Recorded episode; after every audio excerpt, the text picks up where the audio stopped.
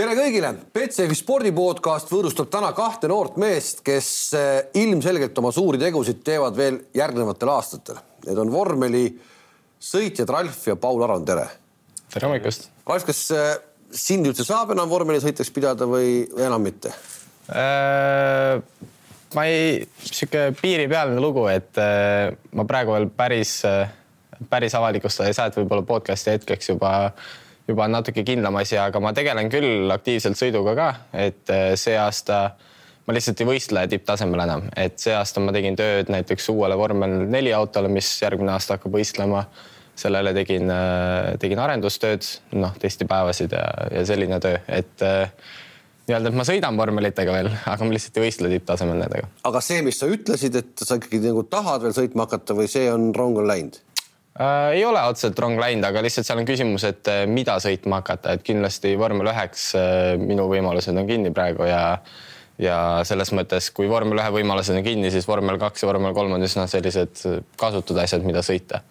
et äh, mul perspektiiviplaanid reaalsuses oleks äh, prototüübid kuskil kestvussarjades Le Mans äh,, kereautod ja, ja nii edasi, no ja noh, siis seal tegelikult on telgitagust tööd on hästi palju, mis on võimalik teha, et vormel ühe tiimidel on simulaatorisõitjad äh,, igast arendustööd ja nii edasi. Paul, sa oled täna seitseteist veel, eks, veebruarikuus sa oled kaheksateist alles yeah..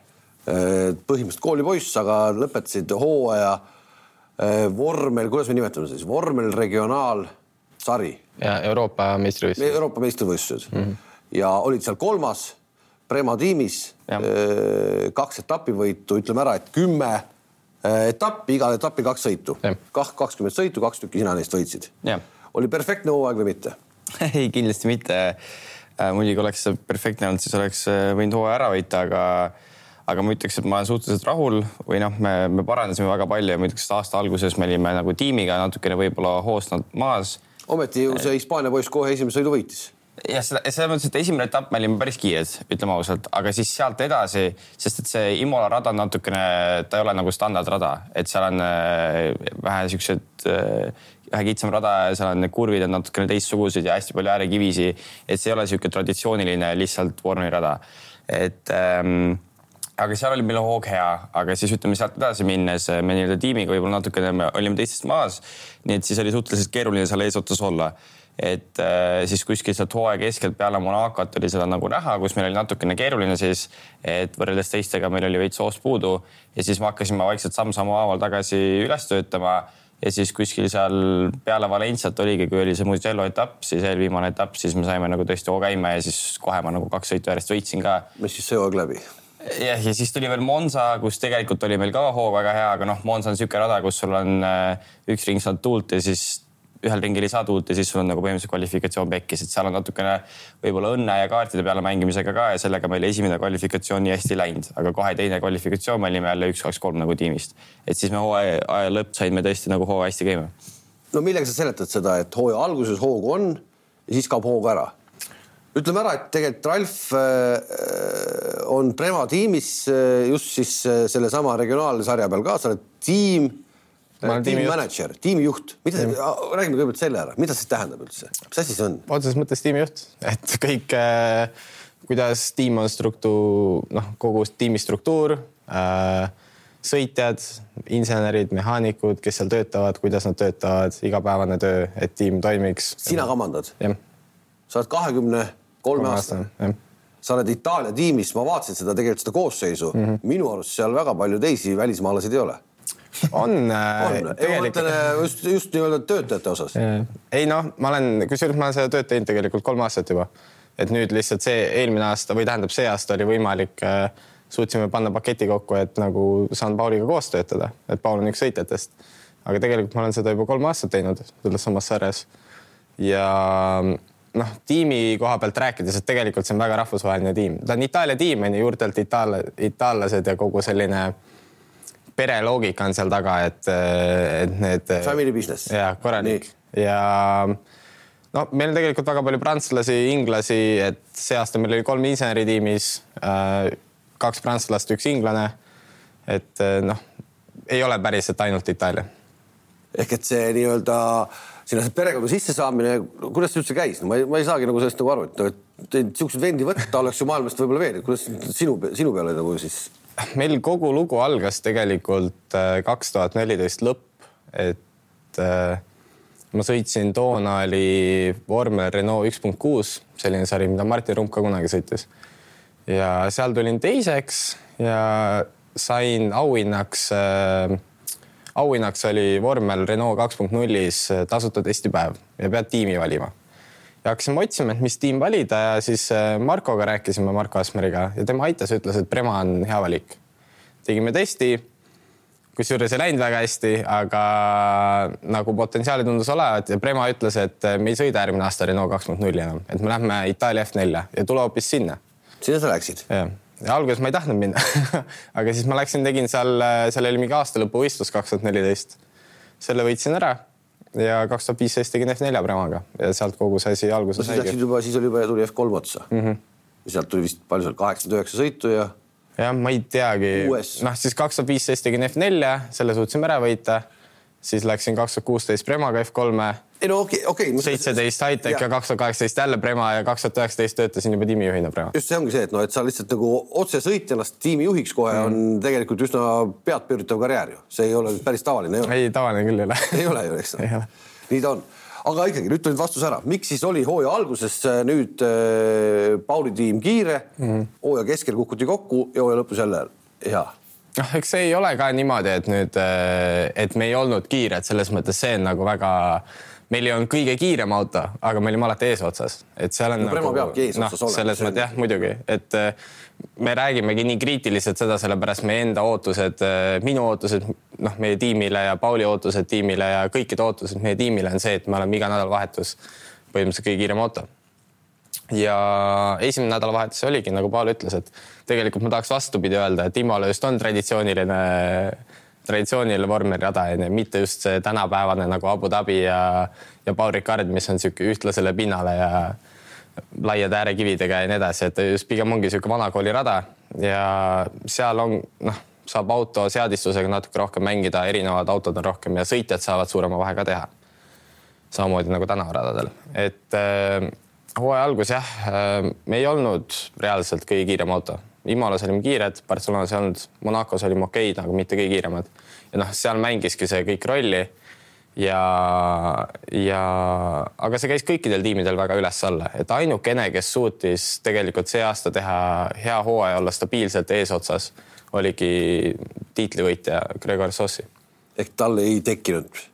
tema suutis kuidagi alati seal eesotsas olla, et isegi kui tal tiimil ei olnud parim nädalavahetus, kuidagi ta seal oli, et et eks väga kõrgel tasemel tiimid võistlesid seal, et Art, Ares, Prema, Arden, noh, need on kõik äh, MP, need on kõik suurte-suurte, suurte nimega no tiimid ja suurte ressurssidega. sõitjad, kes sealt läbi käis, tegelikult oli see ju seda listi vaadata, ikka lööb nagu silmad ruutu, et äh, kolmkümmend kuus tükki oli stabiilselt kogu aeg peal kolmkümmend kuus sõitjat mm -hmm. pluss siis käis, ma lugesin, kas üheksa või kümmekond käis sealt hooaja jooksul veel nagu läbi.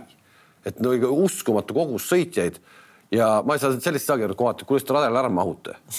noh nojah, et nagu me ennem rääkisime, et siin ongi, oleneb rajast, et iga rada on erineva pikkusega. aga et kui see rada seal alla viie kilomeetri pikk on, siis tekkiski vahepeal äh, oli väga keeruline, et äh, et sa pidid kvalifikatsioonis oma kaardid väga hästi mängima, et saada puhast ringi ja tihtipeale oligi see, et äh, et puhas ring oli, tegi vahe, kas sa suudad seda ettevõtte sõita või mitte. et, ähm, et muidu, kui sa selle nendel ringidel, kus nii-öelda rehvid kõige paremad olid, siis ja, ja sa, sul jäid autod ette ja sa ei suutnud seda maksimumi võtta, siis peale seda võiski olla juba kvalifikatsioon pekkis, et sa pidid seal kõigele tähelepanu panema, mitte ainult sellele, et kiire olla, vaid ka sellele, et sa saaksid oma puhta ringi kätte. no sellele on tegelikult ju, võiks olla lahendus, kui sul on kolmkümmend kuus sõitjat, no ma ei tea, teevad siis äh, kell kümme hommikul kaheksateist ja kell kaksteist hommikul järgmised kaheksateist, nii ei saa või? Järgmiseks aastaks nüüd muudetakse reeglid ära sellel samal põhjusel, et nagu oligi, kuna ta on, varem oli kaks erinevat sarja, oli see Formula Regional ja oli vormel Renault, need pandi kokku.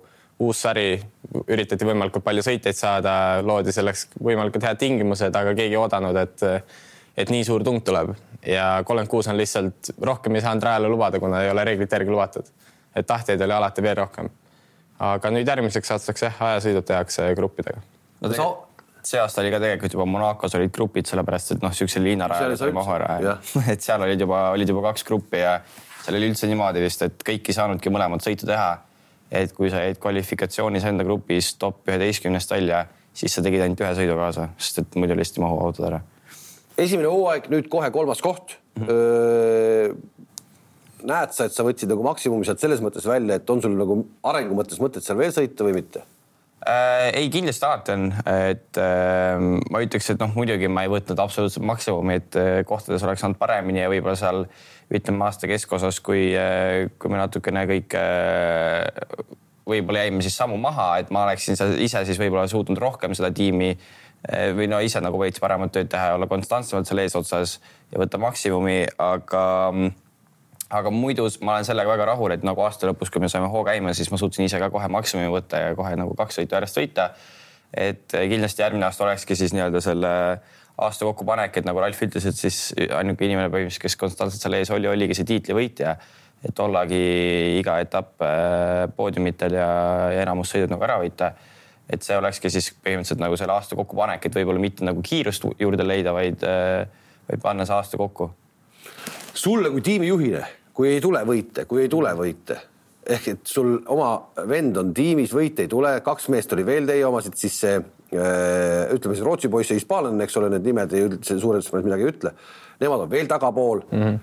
kas sealt äh, Itaalia perekonnast hakkas nagu tulema juba nagu nooti ka, et mis toimub tiimis? ei muidugi, ei no okei okay., vastus varasemale küsimusele, miks me ei olnud nagu kõige kiirem, me ei teinud piisavalt head tööd, et äh, Äh, eks see noh, alati igas spordis pead riske võtma, üleüldse äris, mida iganes sa teed, et, et kui tahad edukas olla, eks sa pead mingeid riske võtma ja panustasime mingitele parameetritele, mis me olime varem, varasematelt aastatelt õppinud, noh, suure tööga ja, ja seal olid mingid muutused tulnud, millest me ei teadnud või no too mingi näide, no ma ei tea no.. noh, a la rehvid ja nii edasi, et, et seal on nii palju asju, mis noh, väga suur inseneeriatöö käib seal taga ja kui sul mingid parameetrid, mingid alustalad on natuke paigast ära ja sa kohe seda ei hadu, siis, äh, siis on, siis võibki see hooaeg on lihtsalt liiga lühike, et ruttu kõik paika saada.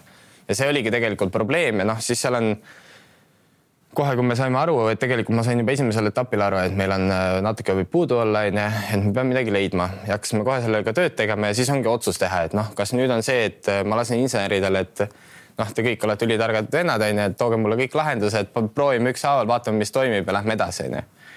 aga selle lahendusega minu kogemus on see, et äh, vahepeal läheb täppi, vahepeal ei lähe ja kunagi stabiilsust ei ole. vales suunas minna. jah, või, või no. võib vedada, võib õiges suunas minna, onju, aga siis järgmine nädal vaatad, sa ei tea täpselt ka, miks see läks, kui sa liiga palju asju korraga muutud.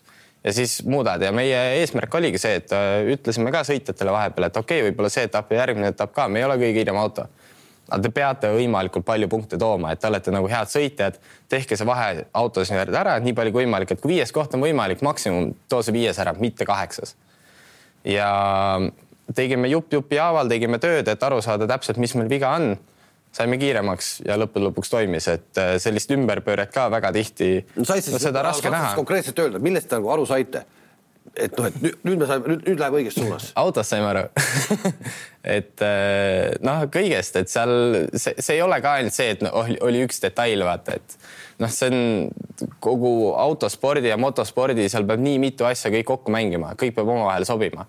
et sul võivad olla kaks täiesti erineva mentaliteediga autot, äh, kuidas need on, kuidas need on seadistatud ja sõidavad sama ringi aega et seal ei ole sellist ühtset vastust, et meil oligi lõpuks. aga, aga kus sa seda, kus sa seda nagu nii-öelda, kelle käest sa nõu küsid, sul on vaja kõigi käest nõu küsida ju. mina, ma ei küsi kellegi käest sa ei küsi kellegi käest? mina olen see, kes nagu no, no mina pidin nüüd otsused võtma. seda kogemust nii palju pole, seda ma imestangi, et sul pole seda kogemust võib-olla nii palju ole, et sa oleks aastaid, aastaid, aastaid kündnud mingit tiimijuhti mm. ja noh, et davai, too tulemus ära, too tulemus ei, ära no,. selles mõttes mul kogemust on palju, kui ise sõitja oled, tegelikult sa oled ka selles kogu aeg seotud, aga aga minu töö oli panna endast targemad inimesed omavahel hästi tööle, et nad need lahendused leiaksid mina ei ole kokkuvõttes see inimene, kes nüüd tuleb, ütleb, et see on autol viga ja parandage see. okei okay,, aga tundsid siis korra, et oli ikkagi nagu surve peal? muidugi oli surve, alati on surve. on, kogu aeg. mis Itaalia perekond, seal ei ole vahet, alati on surve igalt poolt, iseendalt, ümbritsevatelt inimestelt, et Paul annab hagu, kurat, kus auto on? jah,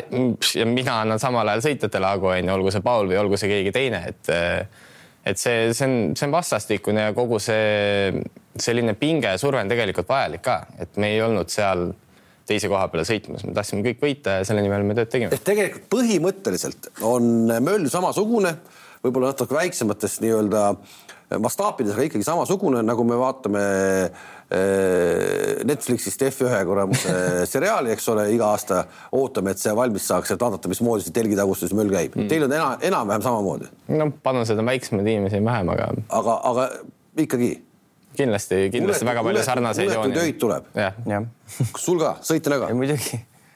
et noh, sul ongi ju selles mõttes. ei no ma loodan, et sa magada ikka said vahepeal. ei, noh, selles mõttes, et ikkagi ma naudin seda ala, nii et see ei ole mul otseselt nagu mingi pingutus minna sinna ja võistelda aga mm, ei, kindlasti sul ju raja peal käib kõik nagu nii nipsu pealt käib kõik need otsused, et kui sa nüüd järsku selle nipsu pealt vale otsuse teed, et siis muidugi sul on pärast väga lihtne seda kahetseda, et sa mõtled, et kurat, oleks ma sellel sekundil teise otsuse võtnud, oleks nagu kogu asi täiesti teistmoodi olnud. et samamoodi nagu sa ütlesid, seal on suured staabid ka, et siis sa pead suutma ise mentaalselt nagu äh, eraldada seda kui palju sa võtad sisse, mida teised inimesed arvavad ja kui palju sa nagu ennast vaatad, et kui sul ei lähe nii, nagu sa tahad, et siis, kui sa mõtled selle peale, et sul on nii palju inimesi taga ja et, et sa ei teinud head tööd, siis noh, siis sul ongi keeruline, et sa pead ikka tegema seda selle jaoks, et sulle endale meeldib ja enda jaoks seda tegema, mis ongi nagu, mis aitab sul siis äh, olla mentaalselt tugev ja edasi pürgida seega ta, seega sõltub need kaks võitu, mis tulid hooaja lõpus, mentaalselt ikkagi nagu ülitähtsad asjad no ma ütleks, et isegi need võidud ise mulle ei tähendanud nii palju, sest et ma tegin enne seda ühte nädalavahetust, noh, meil oli nagu nädal aega enne seda pausi ja see oligi siis see aeg, kui ma nagu rääkisin inimestega, oli, et nagu, et kas me tõesti nüüd äh, lähme absoluutselt teeme mingi Miracle'i või, äh, või tuleb nagu keeruline aasta lõpp ja, ja siis ma tõesti pühendasin iga päeva, ma lugesin näiteraamatuid, ma tegin trenni, ma üritasin leida nii palju informatsiooni kui võimalik ja ma tundsin tegelikult, et kui ma jõudsin sinna raja äärde, et siis ma olin täiesti valmis need sõidud võitma ja ma mõtlesin, et, et kurat, ma olen üks kõige paremaid sõitjaid siin ja ma tegin kõige parema eeltöö, et see ei ole võimalik, et ma ei ole nüüd kõige kiirem.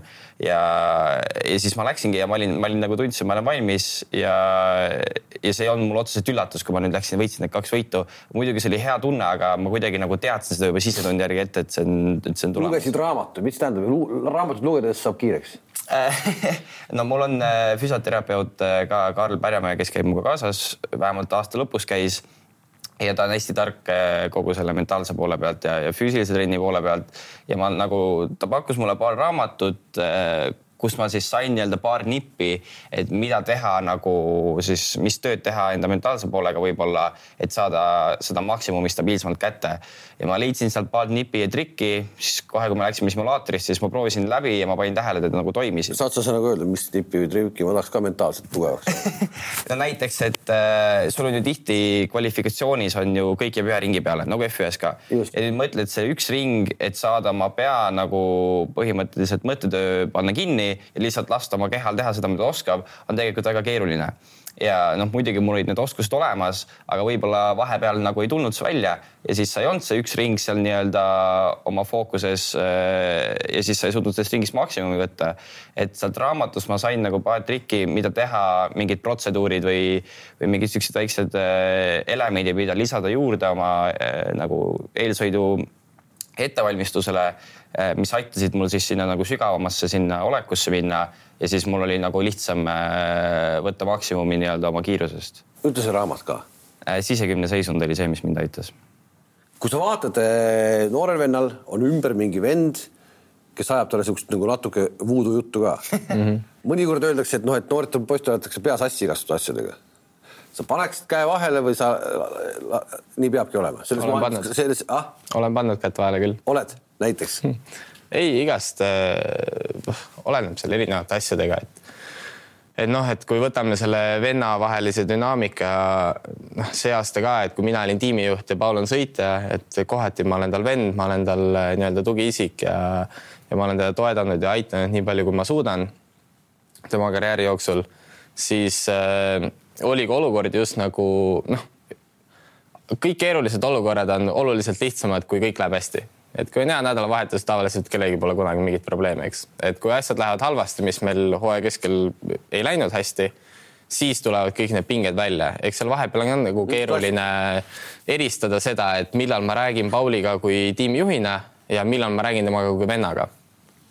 et eks see vahepeal kindlasti oli raske ka aga on selles mõttes, et Karl nagu töötas ise ka Ralfiga koos, et eh, ta ei ole ka nüüd äh, sihuke ei, ma saan aru, aga noh, ilmselt Karl ei ole ainuke, kes võib-olla mm -hmm. tahaks noorte meeste ümber seal olla ja, ja mingit äh, tähelepanu, et ma tahan, ma tahaks ka aidata ja õpetada mm. -hmm. kõik, kõik tahavad targad olla, eks. et sa ikkagi jälgid seda. jah, aga noh, eks see tegelikult ikkagi Karliga ka, mina tegin Karliga tööd, mulle väga meeldis see, ta aitas mind, et ma soovitasin seda Paulile, et Äh, ja siis, kui mina isegi juba töötasin Karliga, käisime trennis koos ja võtsime vahepeal Pauli kaasa, et noh, see ei olnud selline, see ei olnud uus asi talle. Su enda sõitjakarjäär. meil õnnestus neid ju siin näha, neid sõite Jüri Vipsiga ja, ja see oli tegelikult äh, noh, natuke nagu uskumatu, et kaks meest järsku Eesti mehed panevad siin F3-e ja nii edasi. Äh, miks see ikkagi otsa sai? kust sa said aru, et nüüd on kõik, et minu tee on nagu püsti um,? noh, seal on nagu see, et, et kaks tuhat kaheksateist mul, ma võtsin suure riski, et ma sinna F3-e jäin. et ma teadsin seda, ma teadsin, et tase tuleb ülimalt kõva see aasta. aga ma tundsin, et ma olen valmis äh, võitlema selle tiitli peale ja ma tahan, ma tahan ikkagi seda teha, kui see, et ma lähen, lähen sammu edasi ja, ja vaatan, mis saama hakkab et ma olin nõus selle suure riski võtma. Äh, hooaja algus läks väga hästi, teine pool ei läinud üldse nii hästi, et seal olid erinevad, äh, erinevad põhjused selle jaoks, et ikkagi tehnikasport ka ja poliitika on ka mängus. ja noh, mida ma kõike teadsin enne seda, kui ma seda aastat alustasin ja selle nimel ka tööd tegin, et mul võimalikult parim, et noh, mul parimad võimalused oleks. aga ei tulnud see teine pool hooajast nii hästi välja. riskid tasunud ennast ära, et ma ei suutnud seda sarja ära võita ja seal olidki valikud, et äh, sa olid kuues, eks? kokkuvõttes äh,. jah, võimalik, et see, et noh, see oli, see oli väga tihe aasta, et mul oli viis sõiduvõitu või midagi sellist, et tegelikult äh, noh, see oli väga-väga-väga tasavägine, et ei olnud ainult üks tüüp, kes, kes põhjalikult domineeris ja ja, ja oligi valik edasi oli, oli F2-te minna, aga seal tollel hetkel ütleme nii, et ma ei olnud äh, see järgmine staar. Ja kui see järgmine staar ei ole, siis väga raske on välist, äh, välist tuge leida ja tehnikasport on nagu kallis, et, äh, et ilma välise toeta me ei näinud võimalust, kuidas mul võimalik vormel ühte saada, mis oli mu eesmärk ja see oligi see otsus, kus. aitab küll. jah, et ma ei tahtnud seal vormel kahes kuskil tagaotsa tiimidega tiksuda, mille jaoks noh, oleks, oleks saanud olla ja tegelikult tollel hetkel mul oli igas vormel kahe tipptiimi ka koht olemas, aga lihtsalt tekkiski see küsimus, et nüüd panna, otsida kokku, leida kogu see ülisuur summa raha, mis sinna vormel kahte peaks minema onju tipptiimis. noh, ja mis siis edasi? jah, mis siis edasi, samas ähm, suhteliselt ikkagi nagu lühikene karjäär sõitjana mm. -hmm. aga juhtus selles mõttes palju, et ma tahan seda küsida ära, kas te Jüri Vipsiga olete tänaseks ära leppinud või te ikka ei suhtle omavahel? või mis, kes ütles, et me ei suhtle omavahel? ma lihtsalt küsin suhtleme küll jah ehk et need, mis juhtusid raja peal, oli see Ockenheim, oli see Spa, Spa Belgias, see on unustatud äh,? noh, ma ei sõida enam, nii et, et mul selles mõttes nagu mingi, mingi küsimus sellega ei ole kui uljas vend sina oled, kui sa vaatad, vaatasid neid venna sõite, kui uljas vend sina oled võtma, võtma riske viimase piirini? No ütleme, et see ongi nii-öelda tiitlivõitja ja tavalise sõitja vahe, et sa pead oskama, oskama neid riske võtta. et ma ütleks, et ma olen üldiselt, öeldakse mu kohta, ma olen suhteliselt agressiivne sõitja, aga, aga samas ma ikkagi proovin neid nagu riske võtta, võtta mõõdetult, et see aasta mul tegelikult ei olnud väga palju ausalt öeldes katkestamisi ja siukseid suuri-suuri vigu, et kindlasti tulid vahepeal äh, mingid vead sisse või mingid valed otsused, mida ma pärast kahetsesin, aga, aga ma ütleks, et üleüldiselt äh, ma ikkagi suutsin neid suuri-suuri vigu nagu vältida. et kui ma võtan näiteks, näiteks oma vormel nelja aasta, siis seal ma olin nagu, see oli mu esimene aasta üldse vormeli, vormelisarjades ja, ja seal ma võitsin neli või, sõitu kohe esimese aastaga. Et äh, seal oli alati niimoodi, et ma olin mega kiire, aga väga tihti ma. ka raja kõrval. jah et noh, muidugi see oli, tol hetkel oli see nii-öelda siis natukene võib-olla aktsepteeritav, sest ma olin väga noor ja sõitsin üldse esimest aastat. et mida nad tahavadki näha alguses ongi seda kiirust ja seda potentsiaali äh,. aga, aga kindlasti, kui ma oleksin olnud nagu stabiilsem ja neid õnnestusi vältinud, siis ma oleksin olnud ka äh, kõrgemal nii-öelda mm, nendes äh, üldkokkuvõttes kui võtame selle Prema sõitjate osas veel, no Robert Schwarzmann, noh, kui sa, sinu karjäär oli noh, selles mõttes nagu lühike, sa oled tänaseks mitu aastat juba tiimijuht olnud, on ju, Schwarzmann ikka töristab seal, Schwarzmanniga sõitsid koos, eks. et kui kaua tema seda asja teeb siis nüüd, see aasta nüüd jäi viimaseks või? jah, vormel kahes jäi tal viimaseks. mis edasi saab tema puhul? no ta ei ole veel täielikult avalikustanud, aga ma eeldan, et, et ta sinna Ferrari punti edasi jääb ähm, nagu ma ütlesin, mainisin ka varem, et äh, vormel ühe tiimidel on väga palju tagatööd ka. simulaatori sõitmised, testi sõitmised, et äh, ma arvan, et ta jääb selle poolega, jääb sinna tööle, et noh, kokkuvõttes ta oli vormel kahes teine see aasta, et tal ei olnud halb aasta. ei olnud halb aasta. lihtsalt ta kõrval oli tüüp, keda mina juba paar aastat tagasi ütlesin, et temal peab silma peal hoidma, et. Äh, sa räägid siis Oskar Piastrist? jah, et ma töötasin temaga koos vormel kolmes ka eelmine aasta, kui ta selle tiitli võitis ja seal hooaja alguses juba mäletan, kui ta selle tiitli võitis, siis paljud olid veel skeptilised, et et noh, et ta ei võitnud, ta, ta ei saanud ajasõidus kunagi esikohta ja nii edasi, et võib-olla lihtsalt okei okay,, ta oli stabiilne ja teised tegid liiga palju vigu, et sellepärast võitis tiitli. siis ma nägin telgi taguseid, nägin kohe ära, et see polnud üldse asi, et vastupidi, tal oli tihtipeale auto puruks ja ta tuli ikka kolmanda kohaga nagu tagasi, et, et ei olnud see ja Robert noh, Ferrari avalikustas, et nüüd nad liiguvad ka kestvussarja ja kestvussari on väga suurel tõusujoonel, et eks ta, eks ta jääb Ferrari'ga seotud ja jah, kindlasti, et eh, nii hea sõitja selle tasemel oled, et Piastri, Piastri oli siis mees, kes tuli eh, ühesõnaga iga aasta üks vormeliklass ja, ja iga aasta võtab võidu. see aasta siis esimest aastat F2-s ja pani selle asja kinni. mis asja selle venna, mis, mis see fenomen on siis, räägi. no see, mida mina nägin, oligi see, kui tugev ta mentaalselt on, kui rahulik ta on, kui enesekindel ta on, mm, kuidas ta, üks suur asi ka tema puhul, kuidas ta naudib ääres olekut, et äh, kogu see töö ja kõik, mida ta teeb, see ei võta temalt energiat.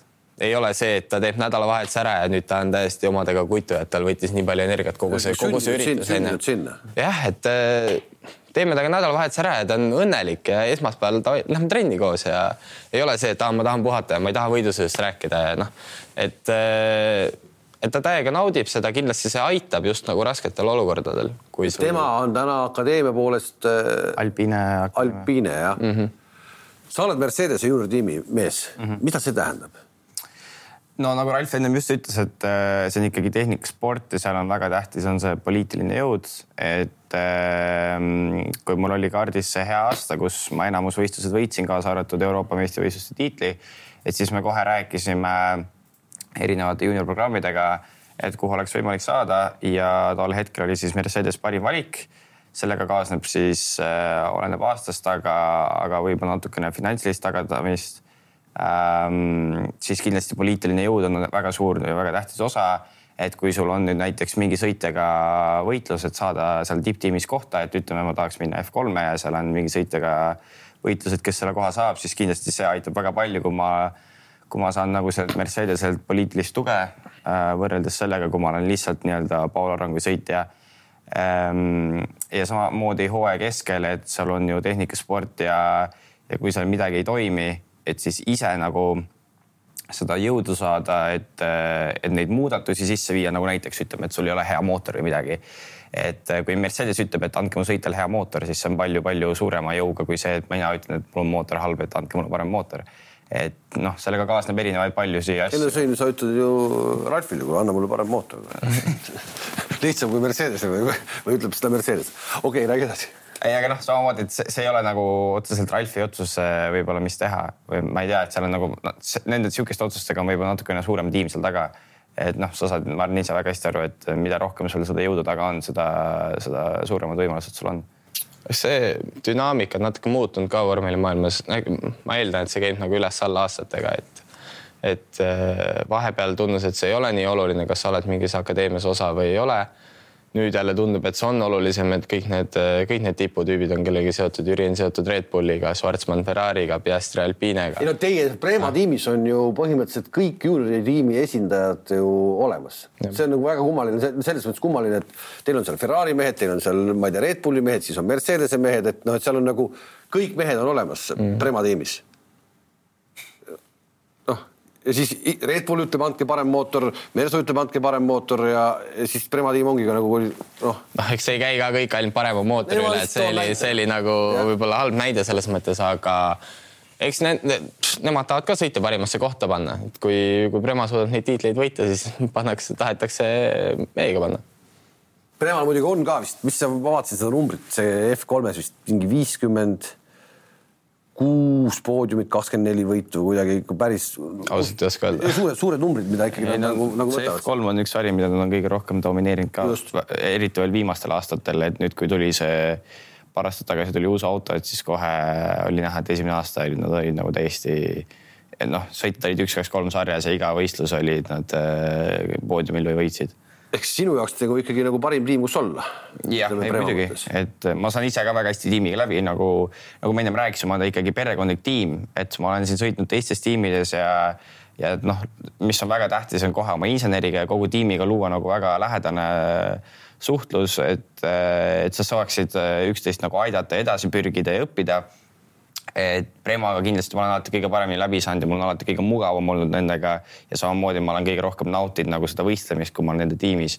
et mul on niisugune tunne, et ma olen osa, olen osa nagu perekonnast ja, ja noh, nad aitavad mul nagu siis õppida ja, ja paremaks saada. töökeel on inglise keel või pead itaalia keeles rääkima? Inglise keel. Inglise keel ikkagi jah, kõigiga. ja nagu, et arendada selle Pauli punkti pealt, et mis võib-olla Prema selline eelis on ja või meie mentaliteet või Prema mentaliteet on luua keskkond, kus kõik tunnevad ennast koduselt. me oleme ühtne tiim, me hoiame väga palju kokku ja minu arusaam sellest maailmast on see, et kui kõik inimesed meie tiimis teeksid täpselt nii palju tööd, kui me neile palka maksame, siis me ei võidaks. et. Äh, siis te ei võidaks? ehk et alamakstud mitte alamakstud, vastupidi, vaid äh, just vastupidi, et me maksame tegelikult väga hästi, et kui vaadata mehaanikute palkasid ka, siis tegelikult maksame kõige rohkem. aga see tagab meile stabiilsuse ja siis kokkuhoidmine, see tiimitunde tekitamine annab veel selle ekstra, noh, selle viimase lükke, kus kõik on nõus hea meelega, mitte ei ole see, et midagi juhtus ja või et ah, peab rohkem vaeva nägema ja nii edasi, vaid inimesed on seal, kes tahavad vaeva näha, kes tahavad rohkem teha, kes tahavad võita. ja kõik sellised inimesed koos aitavad üksteist edasi ja see ongi see, kuidas me võitudeni nagu jõuame. mis ongi selles mõttes kummaline, et äh, nagu me ütlesime, et nii palju erinevaid juuniori, juuniori programmi sõitjaid igast tiimist on nagu tulnud Premasse kokku, et mm. siis panna ka see nii-öelda veel perena, perena tööle, see on mm. iseenesest väga kõva asi Äh, lihtne ei ole lihtne. ja nagu selles mõttes ka, et Prema aastaid läbi mentaliteet on olnud see, et, äh, et seal ei ole see, et üks auto on see, kes on esisõitja, kõik on võrdsed. meie eesmärk on alati teha see, et kõik autod on võimalikult võrdsed, noh, see on tehnikasport, et me ei saa alati seda tagada, aga, aga noh, seal on väliseid tegureid ka, et a la F2-s, F3-s tiim ei oma mootoreid. mootor antakse sarja poolt ja ongi kõik aga autode poolt, inseneride töö, mehaanikute töö, me ta tahame tagada alati sama taseme kõikidele autodele ja see on see, mis, miks kõik tahavad tulla ka meie juurde, et see, sa ei pea mängima mingit, mingit mängu kui sa tuled meie juurde. mängu mängimist on hästi palju kuulda küll, et seda kohati jätab täitsa siukse nagu lapsiku mulje, mis mänge mängitakse. aga nagu see tekitabki, me oleme Prema suutnud panna ennast positsiooni, kus head sõitjad tahavad sinna tulla. ja kui sind on Prema sõitjaks võetud, see ei ole sellepärast, et et keegi tegi sulle mingi teene, see on sellepärast, et sa oled hea sõitja ja sa oled seal, sa oled sinna sa läinud, et teha ühte asja, võita. räägime rahast ka, kui kallis oli see üks hooaeg nüüd äh, selles regionaalsarjas, see tehti ilmselt, kui ta nii populaarne oli, siis mm -hmm. ilmselt see peab olema siis nagu vormeli mõistes ikkagi nagu sõidetav mm. -hmm. kui kallis see oli siis? no vormelis seal ongi nüüd see kogu redel on tehtud, on vormel neli, regional kolm, kaks ja kõik see läheb ka astmeliselt, neli kõige odavam, regional kolm, kaks kõige kallim. loogiline jah. noh, et äh, see, see on selline punkt, kus ei ole, ei ole lihtsat vastust, sellepärast et äh, need summad olenevalt sellest, kes sa oled, võivad väga palju üles-alla käia. kes sa oled ja mis tiimis sa sõidad. et Pauli-suguse sõitjaga, kuna ta on häid tulemusi teinud, Mercedese toetus on taga, siis need hinnad on erinevad sellest, mis võib-olla keegi, kellel ei ole mingit tuge, kes ei ole ennast veel tõestanud, tahab minna heasse tiimi. aga need summad võivad olla seal, võivad olla, võid tasuta sõita nagu.... no poole miljoniga saab sõidetud selle Prema tiimis selle regionaalhooaja äh,? oleneb, kes sa oled, aga küll jah. põhimõtteliselt saab. aga, aga edasi enam väga ei saa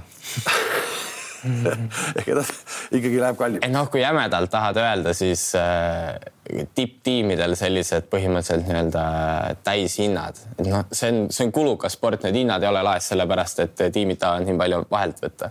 ei saa aru saada. et, äh, et see on lihtsalt nii kulukas sport, kogu see personal, kes seal töötab, insenerid on kõrgepalgalisega töötajad, eks. ja pluss kogu tehnikakulu on ju, aga eks seal võib jämedalt öelda, et äh, Regionali võib panna sinna poole miljoni kanti, vormel kolm miljon, vormel kaks, kaks miljonit, kui tahad täiesti, täiesti tipus, aga tegelikult need numbrid võivad seal sõitjast sõitjasse käia, ma räägin, üks sööb tasuta ja teine maksab topelt.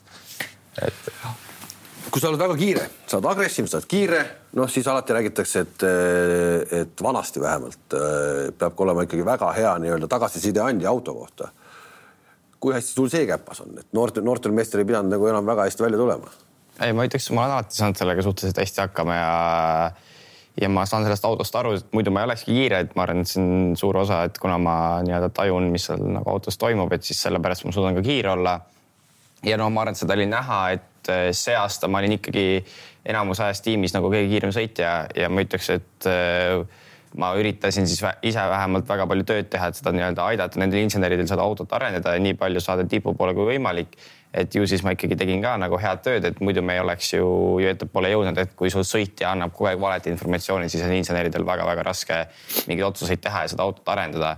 et see on ikkagi suhteliselt tähtis, mis sul nagu sõitja tagasi annab ja ja siiamaani ma olengi üritanud eh, võimalikult lihtsalt ja võimalikult täpselt kõik selle informatsiooni neile anda.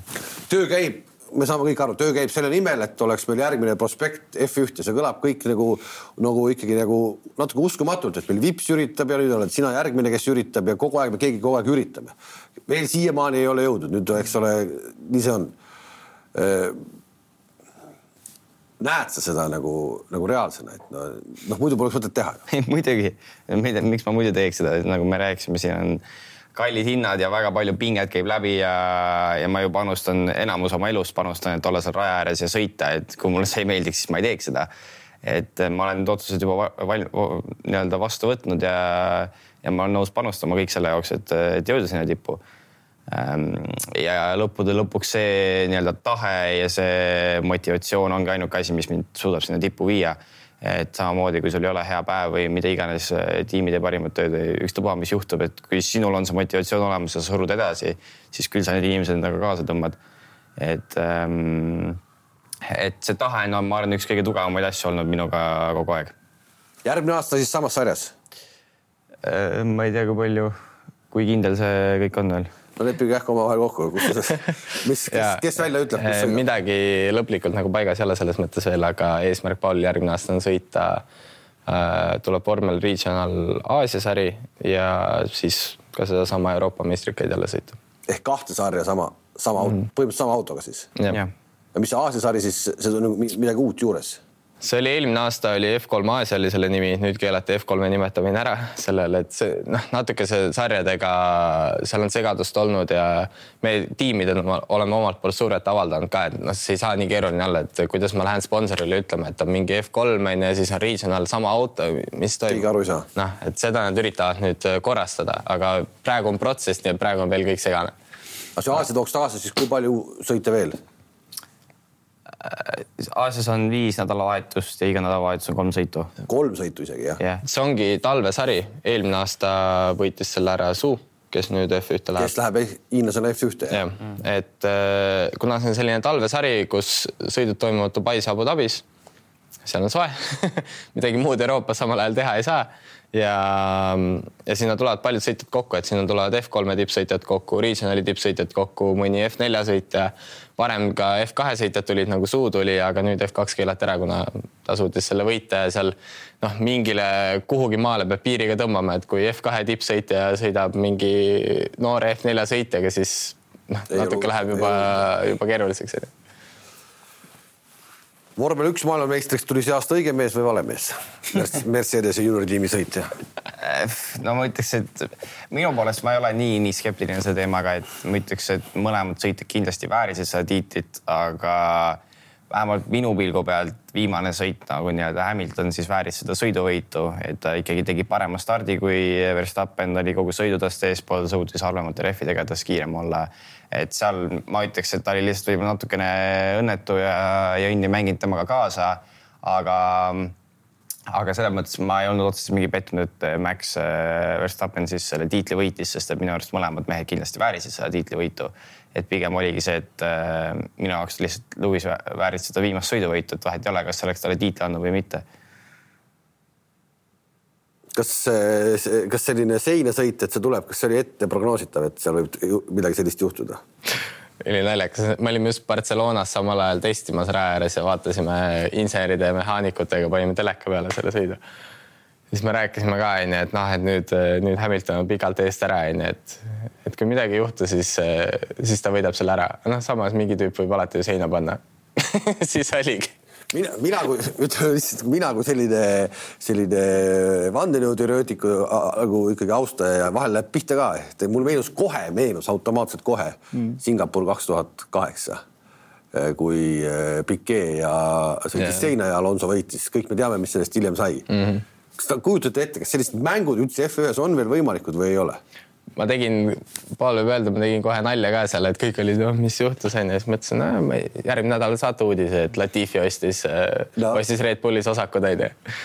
aga, aga ei, see see sügavalt on nii uskumatu, uskumatud mängud tegelikult, aga me oleme kõiki näinud seda. ja, aga ma ei- siiralt äh, täiesti veendunud, et see see ei olnud mingi kokkumäng, et nende autodega ei ole lihtne sõita, sa pead tipptasemel sõitja olema ja, ja vigu juhtub ja see oli täpselt selline kurv, kus ka väiksemagi veaga seal on, seal on sein juures, et noh, lihtsalt nii läks seda võib olla natuke imelik ka sellepärast, et selles mõttes ikkagi Williams on ju nii-öelda Mercedesega seotud ja kasutab Mercedese mootoreid, et Jaa, see pigem Ei, kõlab imelik. kõlab, kõlab väga imelikult kõik niikuinii, aga lihtsalt korra, korra ajaloos me oleme sihukest asja juba näinud, et eh, täpselt nii juhtus ei, ma saan aru, mul oli ka kohe esimene, noh, pool naljaga, aga esimene mõte oli, et aa jaa, et juba noh, ma ikkagi eeldasin, et tegelikult see sõit juba lõpeb esimene kurv, aga, aga nii see ei läinud, et et see FIA üritas ka teha nii palju kui võimalik, et see juhtuks niimoodi, et nad ju enne võistlust ütlesid, et kui kui nad näevad nagu ebasportlikku käitumist, et siis nad, neil on võimalus võtta nagu punkte sealt ära. et muidu on ju, mida me varem näinud, et oli seal äh, varem, kui on olnud need ühe punkti peale võistlused, viimane etapp, et siis lihtsalt esimene kurv, see, kes juhib, on olnud ka neid asju, jah lõpeb ära, et siin oli võimalik täpselt sama stsenaariumi võimalik teha, aga seda siiski ei juhtunud. kas sina kui noormees vaatad F1-te, sa oled noorem mees, ma ei tea, Kimi Räikkönen sõitis juba F1-te, kui sa alles sündisid, eks, et eh, nüüd ta, nüüd ta lõpetas.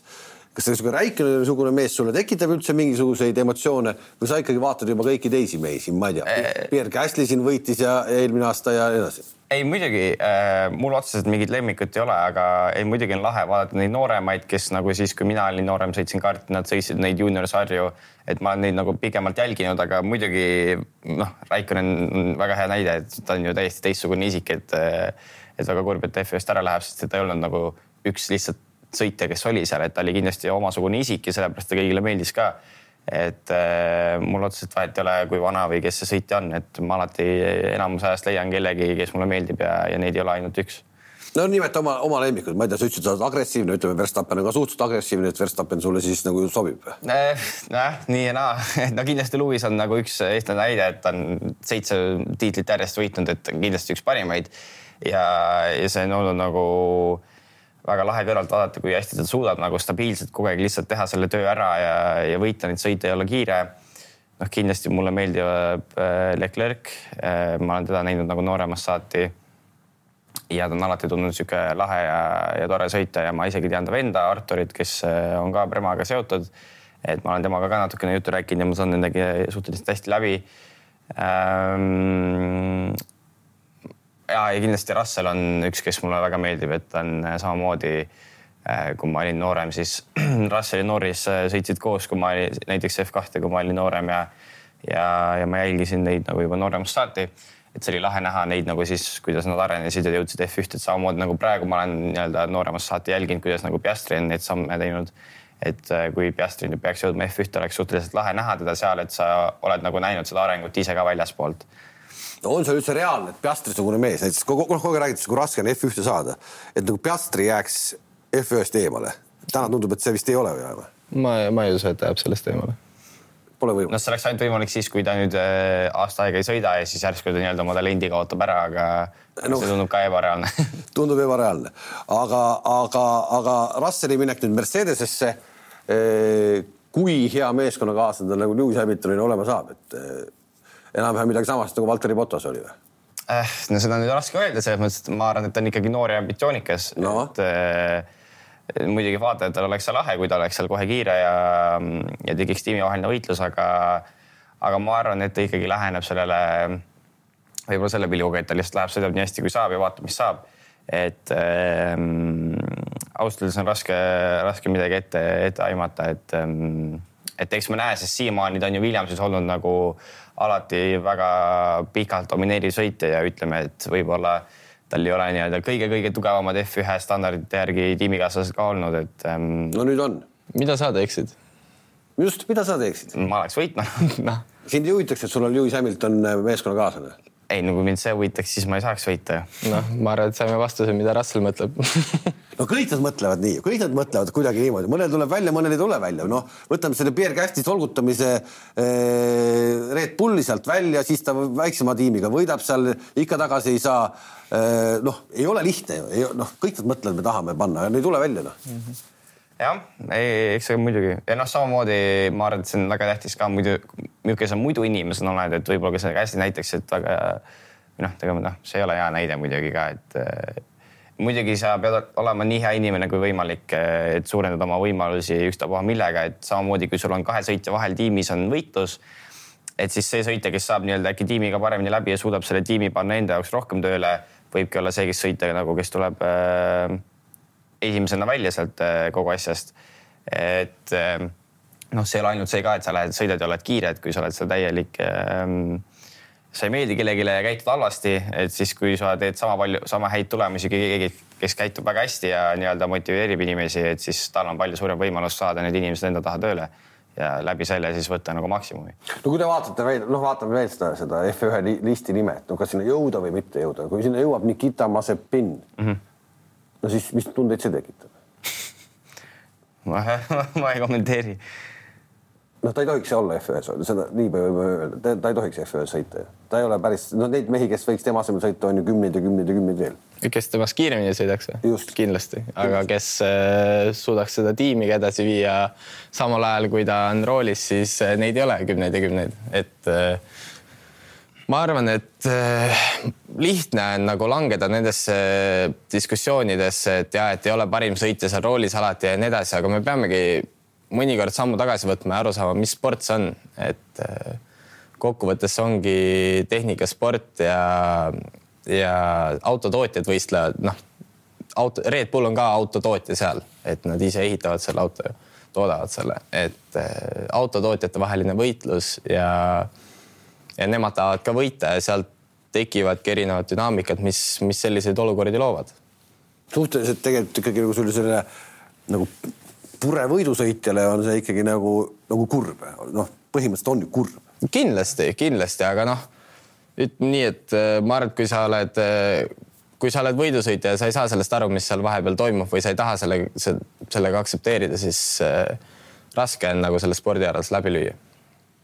kogu see kogu see räpasus ja kõik, natukene see kõik see seal ümber on, et see ja see omavahelised läbisaamised, noh, ma ütlen veelkord, see Netflixi seriaal on ju, on ju iseenesest nagu näitab väga toredasti seda nagu telgitaguseid asju ära, et mm., et see kohati tekib tunne, et aga miks sinna üldse oleks nagu, nagu, nagu äge saada sinna, et nagu noh, see peab ikka vaimselt jube tugev vend olema, et seal nagu vastu pidada jah, noh, eks see on keeruline öelda, ma olen kogu elu olnud alati, kui ma istun kuskil rooli taga ja sõidan kiiresti, ma olen õnnelik olnud, et ma ei oskagi seda seletada, et samamoodi kui sul on igal inimesel oma elus mingid asjad, mis neid õnnelikuks teevad ja mida nad tahavad teha. et eh, noh, ma olen seda näinud endas ja ma olen seda näinud Ralfis, et alati, kui sa saad sinna rooli taha istuda ja kiiresti sõita, siis, siis nägu on naerul ja, ja, ja sellepärast ma seda ka nii väga teha tahan et eh, noh, kui sa midagi tõesti väga-väga tahad, siis need välised faktorid ei ole piisavalt, et eh, et siin nii-öelda sellest teest kõrvale viia ja kui need on piisavalt suured faktorid, siis see tähendab, et sa ei taha seda piisavalt. no sa oled ju äh,, miks te valisite tegelikult ikkagi nagu kõige, kõige raskema tee või kõige kallimasse sarja, et äh, sa alustasid, taht-, motokrossi tahtsid sõita kunagi, onju. isa vist ei lubanud, jah? no, no see oli, kui ma hästi väike olin. okei okay,, hästi väike, isa sõitis siseteele ringrada, eks mm, -hmm. tsikliga, aga kaherattalise peale ei tahtnud minna või ei lubatud?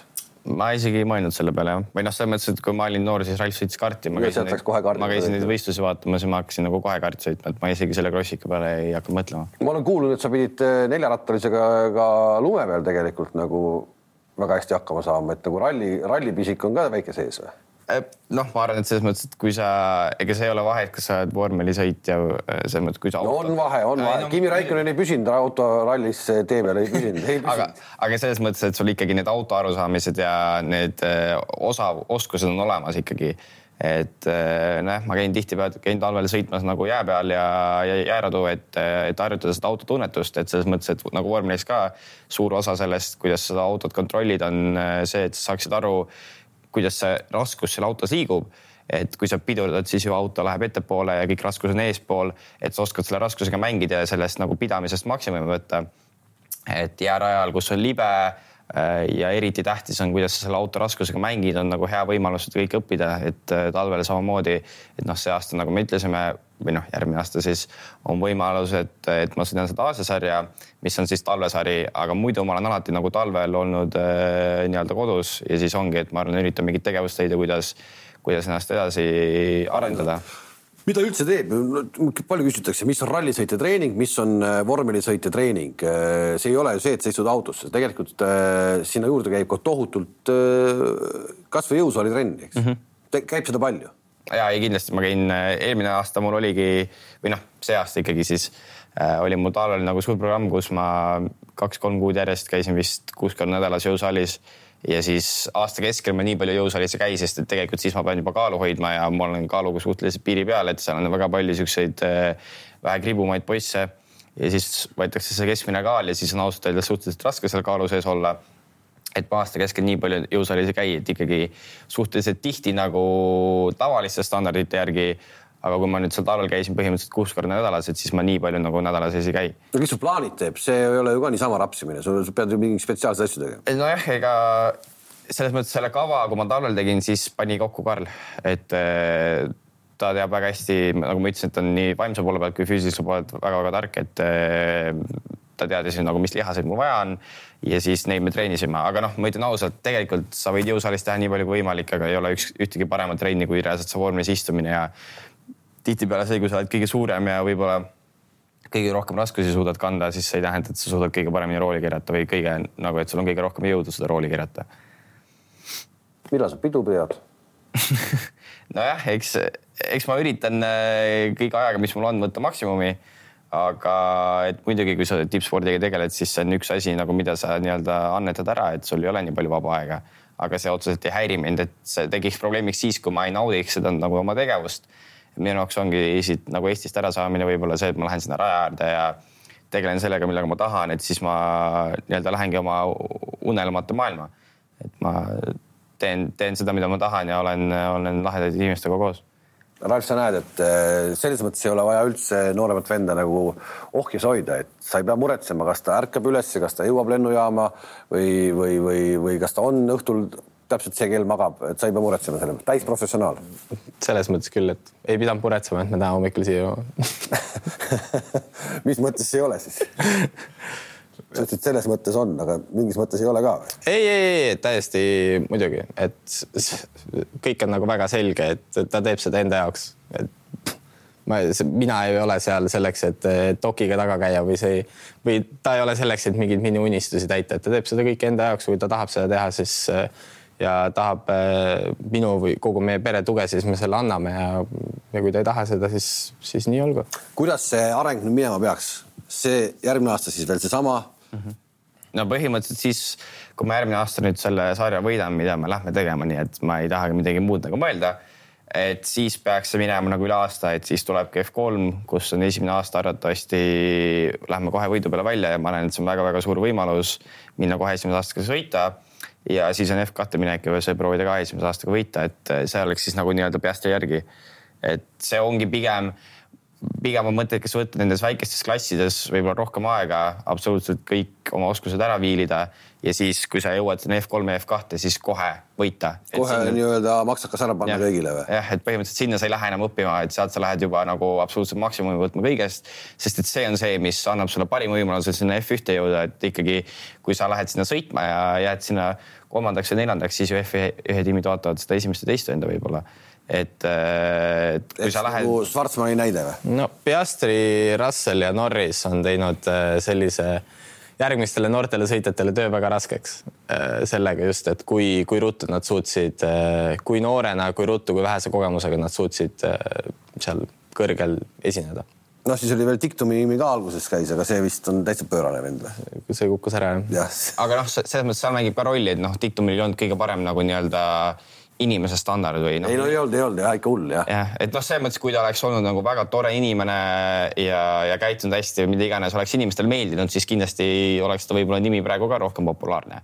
aga mina näen seda ka nii, et sa võid olla, kes sa tahad, võid olla väga ebaviisakas inimene, niikaua kui sa võidad, tegelikult kõik on hästi.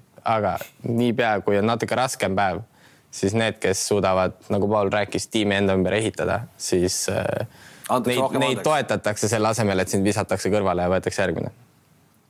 ehk siis äh, inimlikkus, ikkagi inimlikkus, ei ole ainult nii, et äh, et nagu, kuidas see lause on, et, et head, head lapsed ei võida F1 tiitlit, eks, et äh, et no okei okay,, võib-olla väga head ei võidagi. me ei räägi head lapsed, me räägime lapsed, kes või, või inimesed, kes suudavad teisi enda ümber motiveerida.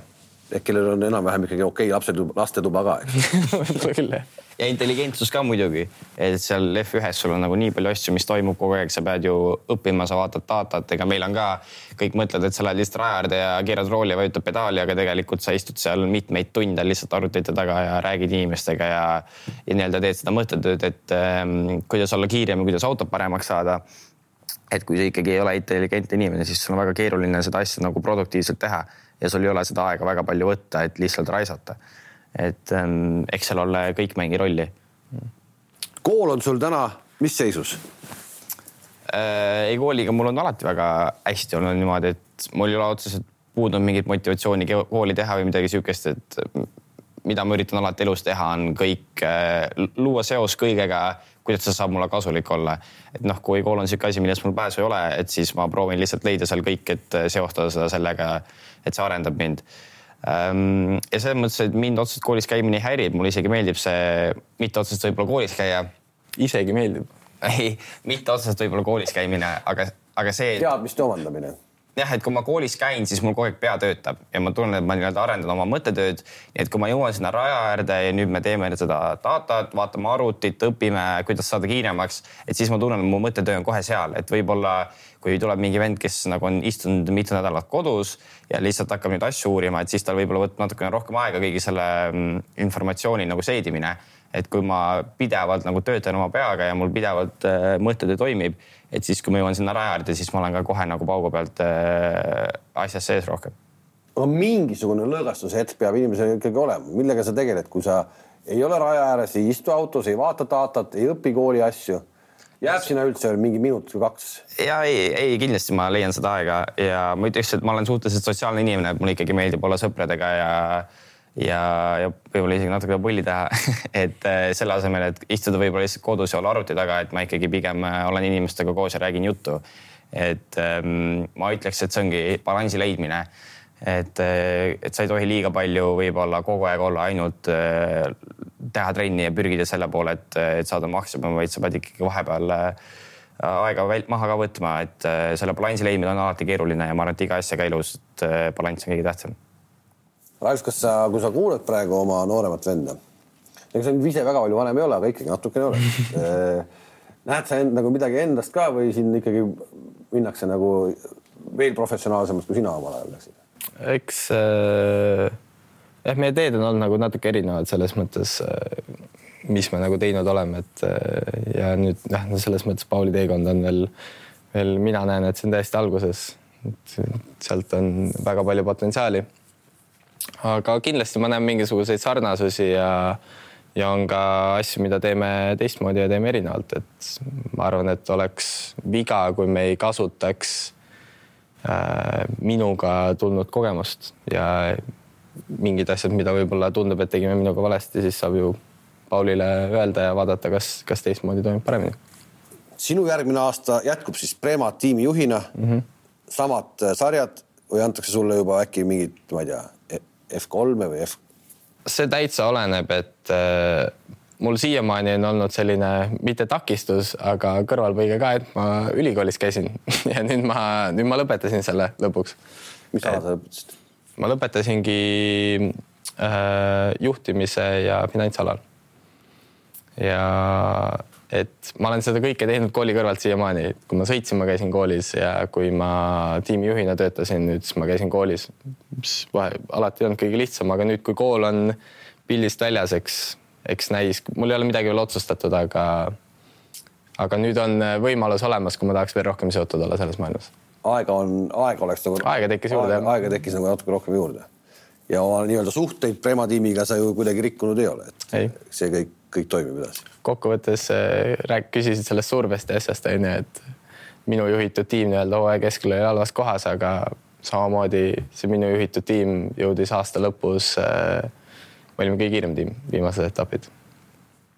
nojah. kõik on hästi ja Schwarzmann ja, ja Piastri olid F2-s ikkagi üks ja kaks mm. -hmm ja Hauger võitis F3 ära, nii et. kõik tuli? põhimõtteliselt. kõik tuli Premasse? Igal juhul ma väga tänan hästi,, hästi-hästi huvitav oli, et äh, teiega siin rääkida. me tegime selle jutu, ütleme ära, meeste graafik on nii tihe äh, hommikul kell kaheksa ja, ja, ja seetõttu no minu, minu jaoks esma esmakordne selline pikk jutuajamine hommikul kell kaheksa, aga väga-väga huvitav oli tõesti. ma soovin teile edu ja ma usun, et äh, kasvõi täna pärast tänast saadet väga paljud hakkavad järgmine aasta su nime guugeldama ja vaatama, et eh, mis, mismoodi sul minemas on, et, eh, et tõesti mm -hmm. väga küps, küps, küpse jutuga noorhärra, kes eh, ilmselt on ka küps, küps võidusõitja aitäh. ja sulle ka edu tiimijuhina, et sa seal Itaalia perekonnas vastu peaksid, et kõik läheks hästi. suur aitäh. aitäh, et vaatasite, täna olid siis meiega noored vormelimehed Ralf ja Paul Aron